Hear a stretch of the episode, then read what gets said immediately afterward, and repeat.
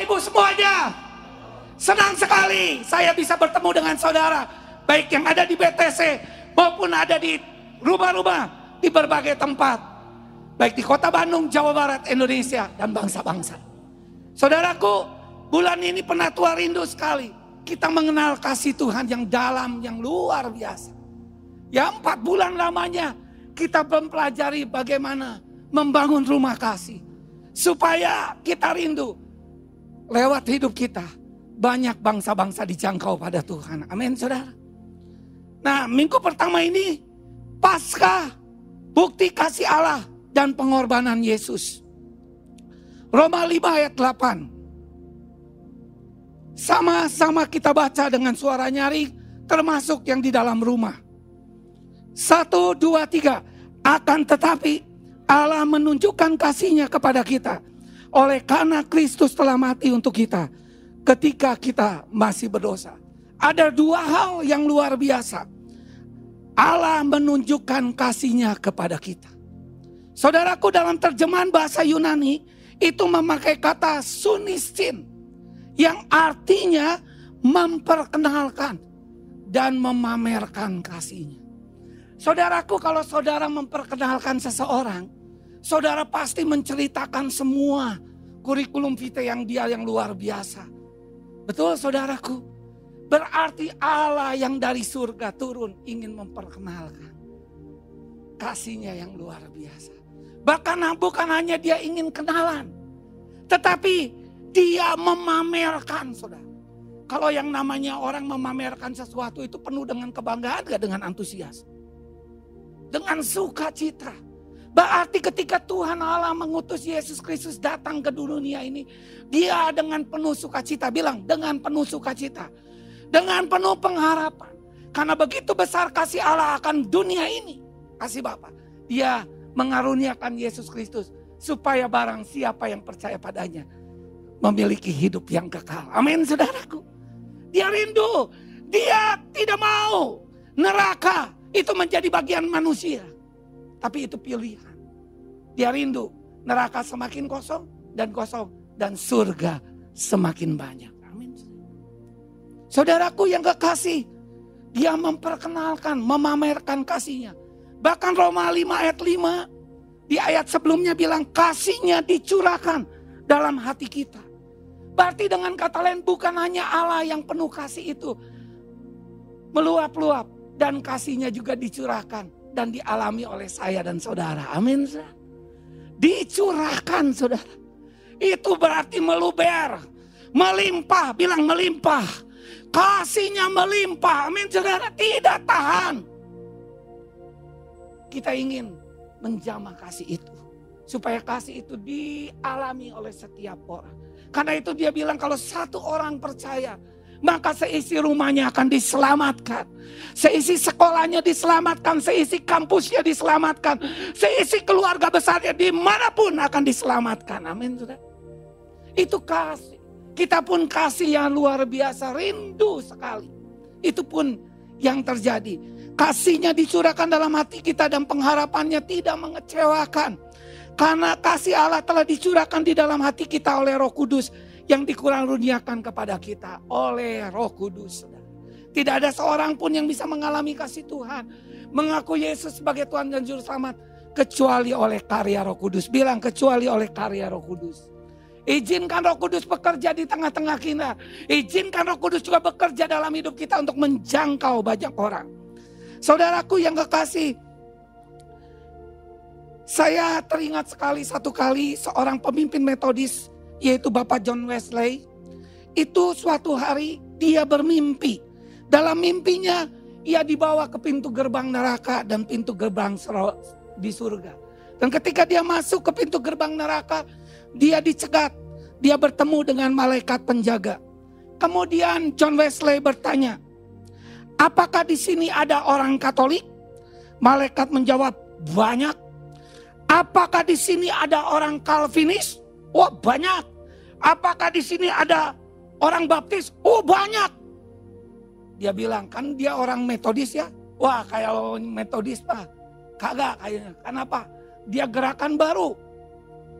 Kalau orang metodis bilang, Bagaimana kata dia akhirnya? Malaikat dengan lantang menjawab, wah banyak sekali. Dia kaget. Kemudian dia dibawa ke pintu gerbang surga. Dan dia tanya, apakah ada orang Katolik di sini? Tidak ada. Apakah di sini ada orang Calvinis? Tidak ada. Apakah di sini ada orang Baptis? Tidak ada. Apakah di sini ada orang Metodis? Wah, kata dia pasti banyak. Malaikat bilang tidak ada.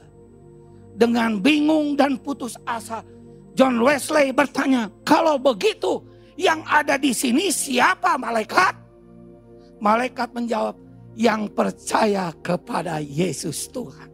Jadi merek gereja agama pun pun tidak bisa menyelamatkan kecuali Yesus Tuhan. Beri kemuliaan bagi Tuhan. Amin. Betul sekali firman Allah bilang akan tetapi Allah menunjukkan kasihnya kepada kita. Ada dua hal. Oleh karena Kristus. Sama-sama bilang oleh karena Kristus. Oleh karena Kristus. Sama-sama bilang oleh karena apa? Kristus telah mati untuk kita. Ya, Sebab yang sangat penting telah kusampaikan kepadamu. Paulus bilang di 1 Korintus 15 ayat 3 sampai 4. Yaitu apa yang telah kuterima sendiri. Yaitu bahwa Kristus telah mati karena dosa-dosa kita. Sesuai dengan kitab suci. Bahwa Yesus telah dikuburkan. Dan bahwa Tuhan Yesus telah dibangkitkan pada hari yang ketiga sesuai dengan kitab suci. Paulus menyatakan kepada jemaat Korintus yang sangat penting jadi yang paling penting adalah Yesus dan Injil Tuhan. Amin. Yang telah aku terima. Jadi Paulus bukan hanya bilang teori. Tapi dia mengalami semuanya. Sama kepada jemaat Roma dia bilang. Akan tetapi Allah menunjukkan kasihnya kepada saya. Kisah Rasul 9 menyatakan itu. Yang tadinya Saulus menjadi pemburu, pembunuh jemaat, penganiaya. Akhirnya dia menjadi penginjil, rasul yang memberkati bahkan Tuhan pakai kepada bangsa-bangsa. Saya percaya Tuhan juga sedang bawa kita. Amin saudara. Dan dia bilang kepada jemaat Korintus yang sangat penting telah kusampaikan. Mari jemaat Tuhan, mari hamba-hamba Tuhan. Yang paling penting adalah Injil Tuhan. Ayo kita sampaikan, amin saudara. Dan yang telah aku terima, mari kita sampaikan. Sama seperti Bartimius, dulu aku buta, sekarang aku melihat. Karena dia mengalami bertemu dengan Yesus. Kita yang harus dihukum sebagai manusia berdosa. Tetapi Tuhan ganti memikul dan menanggung semua hukuman dosa. Tuhan Yesus bisa lanjut. Tuhan Yesus dicambuk. Saudaraku, bisa lanjut lagi? Nah, saudaraku, Tuhan Yesus dicambuk. Harusnya menurut Yahudi hanya boleh 39 kali. Tapi faktanya dalam buku manusia kain kafan itu diselidiki. Yesus disesah sebanyak 121 kali di tubuhnya sebelah kiri dan 121 kali di sebelah kanan. Dan jumlah luka pada tubuh Yesus 726 itu merobek kulitnya, merobek dagingnya dan ototnya tercabik-cabik. Luka itu menimbulkan rasa yang sangat nyeri dan pendarahan yang banyak. Dan belum lagi paku ditancapkan pada kaki tangannya dan kepalanya di mahkota duri. Seluruh tubuhnya rusak. Tapi oleh karena itu oleh bilur-bilurnya Yesaya 53 ayat 2 sampai 5 bilang apa? Sebagai taruk ia tumbuh di hadapan Tuhan. Sebagai tunas dari tanah kering ia tidak tampan. Semarak pun ia tidak ada sehingga kita memandang dia. Karena rusak seluruh tubuhnya. Dan rupanya pun tidak sehingga kita menginginkannya. Ia dihina dan dihindari orang. Diludahi. Bahkan orang yang sudah mengalami dia juga menyangkal dia dan bilang salibkan dia, salibkan dia. Seorang yang penuh kesengsaraan, yang biasa menderita kesakitan, ia sangat dihina. Sehingga orang menutup mukanya terhadap dia. Dan bagi kita pun dia tidak masuk hitungan. Tetapi sesungguhnya, dengar saudara, penyakit kita lah yang ditanggungnya. Amin. Saudaraku yang sakit, Tuhan Yesus sudah tanggung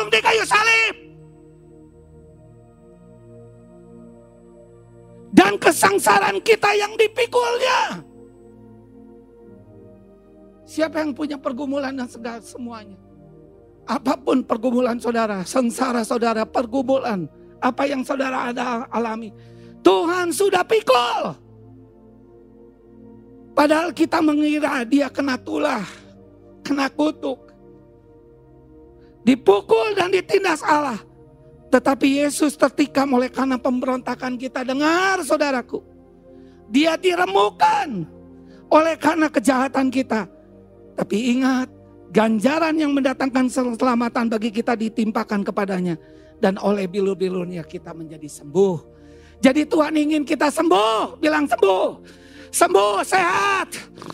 Satu Yohanes bilang semoga kita sejahtera, sehat, semuanya beri kemuliaan bagi Tuhan. Coba suami pandang istrinya, istrinya pandang suaminya, sehat. Amin. Sehat lahir batin, jiwa, tubuh, roh. Amin, saudara. Ya, saudaraku, saudara ada yang sakit, ada berita baik. Penyakit saudara sudah ditanggung. Kalau sakit perut yang flu mah, tong diomongkan tetap beres saudara betul. Tuh, penyakit covid, penyakit apa pun, saya ngalami saudara. Ada teman kuliah saya, itu sakit saudara, dia rajin sekali. Dan kami berdoa. Kami sering kali ada WA call teknologi itu dipakai untuk supaya mempermudah kita. Amin, saudara.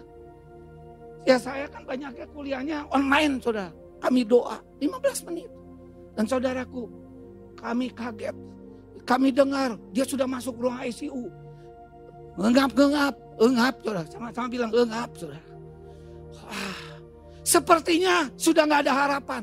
Karena teman kuliah kami, ada beberapa yang bulan lalu saya lihat eh sudah nggak ada lagi. Kami nggak mau. Stop, tidak ada lagi yang meninggal. Amin, saudara. Ada kuasa Yesus dan luar biasa, saudara. Tiga hari kemudian kami berdoa. Empat hari kami berdoa. Wah, tambah berat, saudara. Tapi dua hari kemudian kami kaget. Dia sudah keluar dari ruang ICU. Dan seminggu kemudian sudah kuliah sama kami. Sudah tiga minggu. Beri kemuliaan bagi Tuhan. Amin, saudara. Sebenarnya nggak mungkin. Tapi segala yang tidak mungkin menurut medis sudah mungkin menurut Yesus. Amin saudara. Tapi siapa yang mau membela itu saudara? Amin saudara. 1 Petrus 2 ayat 24 sampai 25 dibilangkan. Ia sendiri telah memikul dosa kita dalam tubuhnya di kayu salib. Supaya kita yang telah mati terhadap dosa hidup untuk kebenaran. Oleh biru-biru dia kamu telah menjadi sembuh. Sebab dahulu kamu sesat seperti domba. Tetapi sekarang kamu telah kembali kepada gembala dan pemelihara jiwamu. Saya sebagai penatua ketika menyiapkan ini begitu exciting. Apa pun penyakit kita, Tuhan Yesus senang menyembuhkan, menyehatkan kita. Ketika saya menyiapkan firman itu, saya dengar ada satu orang yang kami layani. Bapaknya sakit, mengalami saraf kejepit dan harus dioperasi. Ketika kami dengar ini kami tidak menyalahkan. Pada bulan yang lalu dia baru datang di rumah sakit di kota Bandung. Kenapa tercager-cager cek bahasa Jerman? Kenapa nggak sembuh? Tapi kami percaya Tuhan Yesus. Dan akhirnya dibawa ke rumah sakit di Jakarta. Kemudian dia harus mengalami karena ruas L23-nya pecah. Gelnya keluar menekan syaraf sehingga dia sakit kepanjangan saudara. Orang yang pernah mengalami saraf kejepit itu nggak main-main. Akhirnya dioperasi. Malam itu dokter bilang kalau besok tensinya bisa turun di, di bawah 150 baru bisa dioperasi. Kami doa, kami WA call. Saya bilang di grup itu, pukul 21 kita bertemu di WA call. Kami 15 menit berdoa. Dan luar biasa, belum tensinya turun saudara. Besok pagi kami berdoa dulu sambil saya nyetir mobil di grup, tapi nggak pakai WA call. Istri saya uh, dapat instruksi, namanya juga penolong. Tolong tulis. Ya, amin. Kita bisa melakukan apa pun karena Allah kita tanpa batas. Amin, saudara. Jam 10 katanya kok masih 170 tensinya. Kita doa. 10.40 tensinya turun bukan hanya 150 tapi di bawah 135 saudara. Nanti dulu, jangan tepuk tangan dulu, tenang gelas saudara. Dan tahu-tahu saudara bukan hanya di bawah 100 dan 135 yang dahsyatnya apa saudara. Langsung dokter siapkan operasi. Dan sejam kemudian saya nanya, kumaha gimana ini operasinya? Operasinya terima kasih kok, puji Tuhan lancar. Saya masukin ke dalam grup. Dan orang itu akan mengunjungi papanya karena papanya orang Bangka, Bangkangin ya, orang Bangka. Harus ke Jakarta. Enggak taunya apa? Gagal hari Jumat Agung harus ke Jakarta. Karena papanya Jumat siang itu sudah pulang ke Bangka. Dan yang lebih dahsyat lagi hari Kamis saya dikirim Rabunya baru operasi Kamisnya. Di jalan-jalan. Beri kemuliaan bagi Tuhan. Siapa pun sakit, saya mau katakan jangan kau menyalahkan siapa-siapa. Lihat Tuhan yang besar, amin. Saudaraku ajaib. Ketika kita masih berdosa, berdosa bahasa Yunani memakai kata hamartia, artinya meleset, luput tidak mencapai sasaran. Firman Allah yang hidup Yesaya 64 ayat 6, kami semua telah menjadi seperti orang najis yang kena kusta. Karena dosa-dosa kami, segala kebenaran kami, ingat bukan segala dosa. Segala kebenaran kami, kesalahan kami, yang sangat kami banggakan itu hanya seperti kain yang buruk dan kotor. Kami menjadi seperti daun yang layu dan kering lalu gugur. Segala dosa kami melenyapkan kami seperti angin menyapu daun-daun kering. Hidup kita, kesalehan kita, perbuatan baik kita tidak bisa menyelesaikan. Amin. Tidak bisa mencapai sasaran, saudara. Kenapa? Karena hidup kita akan layu dan kering dan gugur. Karena dosa kita melenyapkan seperti angin menyapu daun-daun kering. Terlalu banyak orang frustasi dengan agama dan kepercayaan. Karena bukan agama dan kepercayaan yang bisa menyelamatkan. Yang hanya bisa menyelamatkan adalah Yesus Tuhan. Lemah, durhaka. Roma 5 ayat 6 sampai 7 bilang. Karena waktu kita masih lemah, Kristus telah mati untuk kita orang durhaka. Pada waktu yang telah ditentukan oleh Allah. Ayat yang ketujuhnya keren sekali. Bilang keren. Sebab tidak mudah. Seorang mau mati untuk orang yang benar. Tetapi mungkin untuk orang baik ada orang yang berani mati. Tapi Yesus mau mati untuk kita orang berdosa. Beri kemuliaan bagi Tuhan. Yang saya keren bahasa Yunaninya. Lemah itu memakai kata astenon. Itu diumpamakan dua hal saudara. Astenon itu artinya begini. Orang yang sakit dia tidak berdaya menolong dirinya untuk sembuh saudara. Yang kedua adalah orang yang secara moral butuh dukungan, butuh kekuatan karena dia mengalami kejatuhan dan kehancuran. Tapi dia lakukan segala usahanya, dia tidak berdaya. Tapi ketika dia bertemu dengan Kristus, semua yang lama sudah berlalu. Yang baru sudah datang. Amin, saudara. Amin. Tuhan datang supaya kita memiliki hidup. Dan bahasa Yunaninya itu artinya apa? Kehidupan yang ilahi. Dan dua Petrus bilang oleh karena kuasa ilahinya. Itu yang menyanggupkan kita. Amin saudara. Amin. Wah luar biasa. Yesus Kristus menebus kita dari kutuk hukum Taurat menjadi kutuk karena kita sebab ada tertulis terkutuklah orang yang digantung pada kayu salib. Lihat ini yang hebat. Yesus Kristus telah membuat ini supaya di dalam dia berkat Abraham sampai kepada bangsa lain sehingga oleh iman kita menerima roh yang telah dijanjikan itu. Hidup kita diberkati menjadi berkat bagi bangsa-bangsa. Amin. Yes. Poin yang kedua, Kenapa Tuhan bilang Roma 5 ayat 8 akan tetapi Allah menunjukkan kasihnya kepada kita. Ketika ia mati di kayu salib untuk kita dan masih berdosa. Karena ada satu ayat yang hebat saudara. Di Roma 5 ayat 3 sampai 4 bilang apa? Dan bukan hanya itu saja. Lanjut. Lanjut. Dan bukan hanya itu saja. Kita malah bermegah juga dalam kesengsaraan kita. Karena kita tahu bahwa kesengsaraan itu menimbulkan apa? Ketekunan. Dan ketekunan menimbulkan tanuji dan tanuji menimbulkan pengharapan. Seringkali orang muda bermegah di dalam damai sejahtera. Karena Allah kita Allah yang mendamaikan kita. Bukan hanya tadinya kita seteru dan Tuhan mendamaikan kita. Bahkan Tuhan Yesus menjadi sahabat kita yang luar biasa. Kita mendapatkan kasih karunia senang. Kita mendapatkan yang namanya pengharapan senang. Tapi kalau kita bilang kesengsaraan. Wah, padahal kita bermegah dulu dalam damai sejahtera. Bermegah juga dalam pengharapan bermegah juga dalam kasih karunia. Karena semata-mata anugerah dan kasih dan kemurahan Tuhan. Amin saudaraku. Tapi bermegah juga dalam kesengsaraan. Jadi ketika ayat ini ditulis oleh Paulus. Karena jemaat di Roma sedang mengalami penganiayaan yang luar biasa. Dari Kaisar Nero. Dan betul-betul sepertinya bilang mereka bilang bagaimana. Tetapi justru ayat ini bilang ingatlah kalau dulu kamu orang berdosa aja Tuhan perhatikan, apalagi sekarang. Amin saudara. Mari jangan takut dengan kesengsaraan.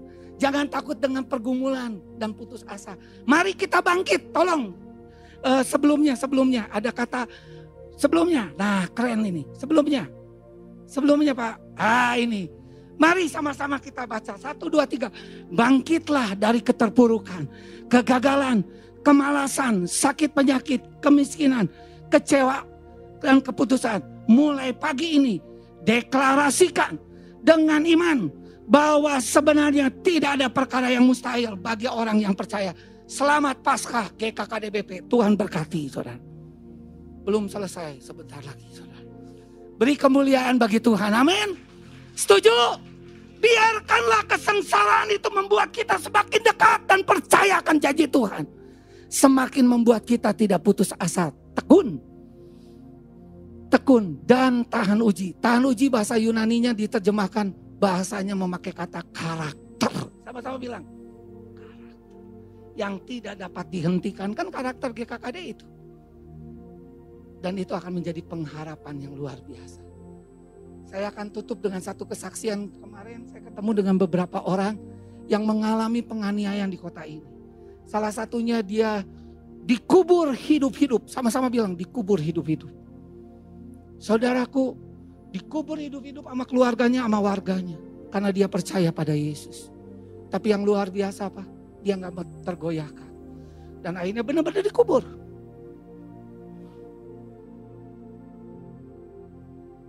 Dan gak taunya pagi-paginya ada warga yang bilang, yuk kita tinggal hela. Mari kita lihat sudah mati atau masih hidup. Gak taunya apa saudara, ketika dikuburnya digali, itu dalam sekali. Gak taunya bapak itu hanya begini. Gak mati cina, tapi berdoa cina. Doa kius. Dan apa yang terjadi saudara? Akhirnya diguyur kucai es. Dar! Eh hudang saudara, bangun saudara. Dan akhirnya apa? Bukan hanya itu saudara kaget dan akhirnya apa? Yang tadinya keluarganya yang menganiaya, akhirnya minta ampun. Allah aku ampun Tuhan ampun. Akhirnya apa? Pada barat tobat. Dan yang luar biasa akhirnya lewat dia. Dia membangun sebuah perpustakaan namanya Buktos Kanyaa. Dan membangun warung karena dia banyak dicari-cari sejak itu dia menjadi rasul untuk menyembuhkan orang lain dan dia Wah iya orang pintar sana. Jadi akhirnya dia bikin warung iman, harapan dan kasih. Beri kemuliaan bagi Tuhan. Jangan takut dengan kesengsaraan. Amin saudara. Itu mujizat sedang terjadi. Poin yang ketiga lanjut. Lanjut. Poin ketiga mari kita membangun rumah kasih. Ya, firman Allah yang hidup Galatia 6 ayat 2 bilang, ikutlah merasakan kesukaran dan kesulitan orang. Dengan demikian saudara mentaati perintah Tuhan. Memenuhi hukum Kristus. Amin. Amin. Bukan hanya C3 tapi kita semua mau peduli. Untuk kita merasakan kesukaran dan kesulitan. Galatia 6 ayat 9. Sebab itu janganlah kita menjadi bo bosan. Melakukan hal-hal yang baik. Kalau dosa mah biar bosan. Amin saudara. Sebab kalau kita tidak berhenti melakukan hal-hal itu, sekali kelak kita akan menuai hasilnya. Setuju? Lanjut. Tetapi kamulah keturunan yang terpilih. Saya senang terjemahan Amplified. imamat yang rajin, bangsa yang kudus, kepunyaan Allah sendiri yang artinya yang telah dibeli menjadi orang-orang spesial. Sama-sama bilang orang spesial. Sama-sama satu dua tiga tujuannya agar engkau menunjukkan perbuatan-perbuatan indah dan memperlihatkan kebajikan dan kesempurnaan dari dia yang telah memanggil keluar dari kegelapan kepada terangnya yang ajaib. Bukan hanya Tuhan yang menunjukkan, yang memamerkan, yang memperlihatkan kasih, tapi kita semua. Amin. Bapak-bapak yang ada di tempat ini, ibu-ibu, dan yang di rumah-rumah, yang di berbagai tempat. Lanjut. Tuhan Yesus memberkati. Ini yang kita mau membangun rumah kasih. Semakin dalam. Dan salah satunya saya tutup dengan satu klip yang satu menit setengah. Bagaimana saya melihat di tempat yang paling jauh. Di tempat yang paling penuh kriminal. Kejahatan di satu daerah Sumba di daerah Kodi. Sekarang sedang dibangun SMP Kodi yang luar biasa. Kita Maret kita rapat beberapa pengurus termasuk Mas Pramada. Kami tidak punya apa-apa. Tapi tahu-tahu kami kaget. Dua minggu kemudian ada yang ngasih. Kemudian ada. Sampai hari ini. Kami mau bangun enam ruangan. Kalau ada rekan-rekan mau, ini tanah yang subur, yang luar biasa yang Tuhan bisa kasih. Beri kemuliaan begitu.